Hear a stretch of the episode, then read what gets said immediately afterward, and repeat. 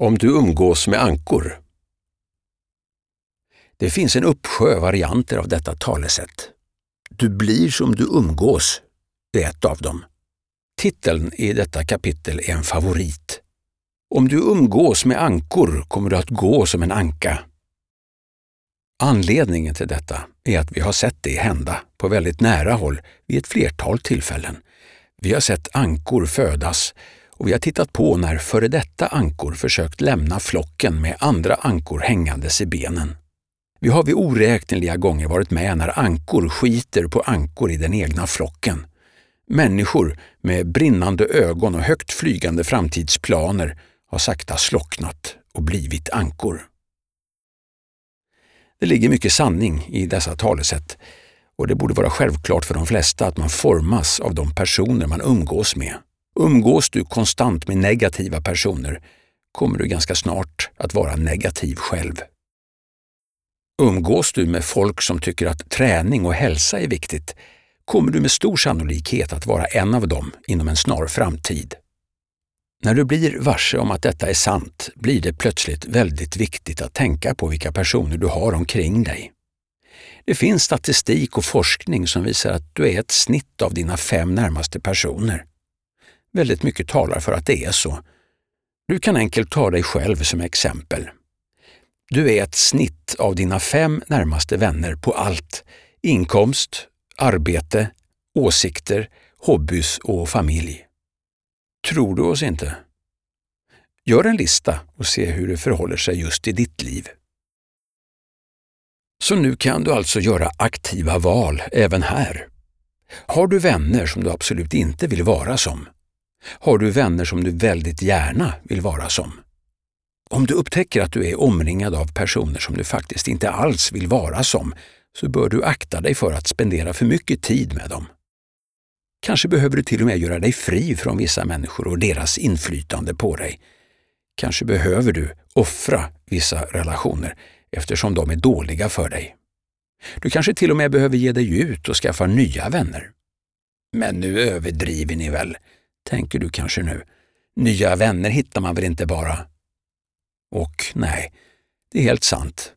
Det krävs en hel del tid, energi och engagemang för att hitta nya vänner. Du kanske rent av behöver flytta för att det ska hända. Det är väldigt svårt att ta dig någonstans i livet om du inte omger dig med personer som antingen befinner sig där du vill befinna dig i framtiden eller som har de egenskaper som du själv gärna vill ha. Att omge sig med rätt människor är direkt avgörande för hur framtiden ser ut. Så ställ dig frågan om du verkligen vill vara lik dem som du umgås mest med. Om du inte vill det, kanske du behöver ägna mindre tid åt dem och mer tid åt andra. För att återgå till liknelsen med ankorna så förstår vi att alla inte har samma bild av vad det är och att en del till och med saknar åsikt i ämnet. Vad exakt är en anka egentligen? Det finns inte ett enkelt svar på denna fråga, men vi tänkte nu ge dig vår definition av vad en anka är. Och det är just vår definition. Du har kanske en egen. Läs följande punkter och överför dem på dina vänner och bekanta. Om flera av dessa punkter stämmer in på dem så är de ankor enligt oss. Det är dock oklart hur många av punkterna som behöver stämma in för att man ska vara en anka. Det får du själv avgöra. En anka är en person som pratar vitt och brett om saker de har ingen eller mycket lite vetskap om. De förlitar sig till stor del på antaganden och sprider gärna rykten utan att se till fakta. En anka skiter ständigt på allt och alla. Det gäller även ankor i den egna flocken.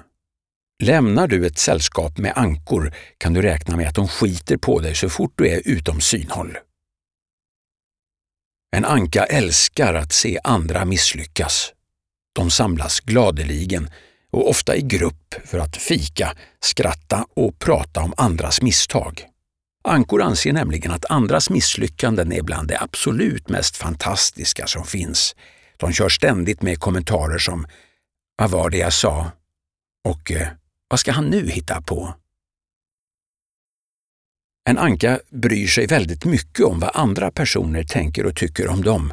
De säger själva att de inte gör det, Men om du spenderar några timmar med dem så är det tydligt att det är viktigt för dem. Det mesta de gör i sin vardag gör de för andras skull.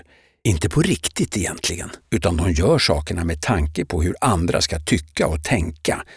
Men de hävdar bestämt att så inte är fallet. En anka har starka åsikter om folk som de inte alls känner. Vissa av personerna de har åsikter om har de inte ens träffat. De vet exakt vad som är typiskt denne, oavsett om de någonsin ens talat med personen i fråga.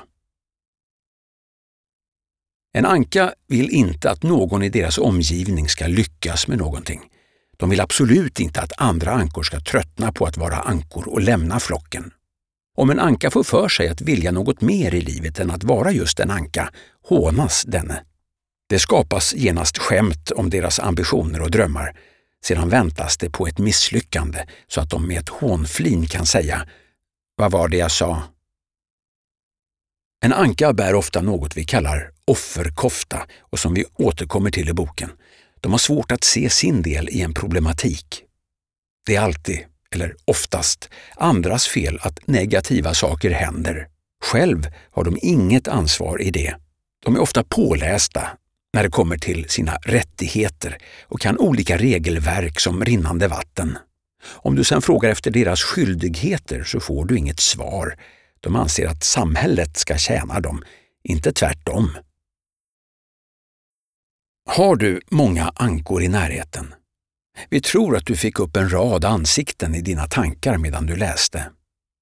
Nu när du vet att de är ankor så kan du själv välja hur du ska använda den informationen. Är det läge att lyssna mindre på dem? Lägga mindre tid på dem? Är det kanske, i värsta fall, dags att göra sig av med dem? Ja, inte skjuta dem då naturligtvis, utan snarare, om det är en värdefull relation, förklara hur du tänker och tycker och ge feedback och tips på hur relationen skulle kunna bli mer givande. Eller i värsta fall, avsluta relationen.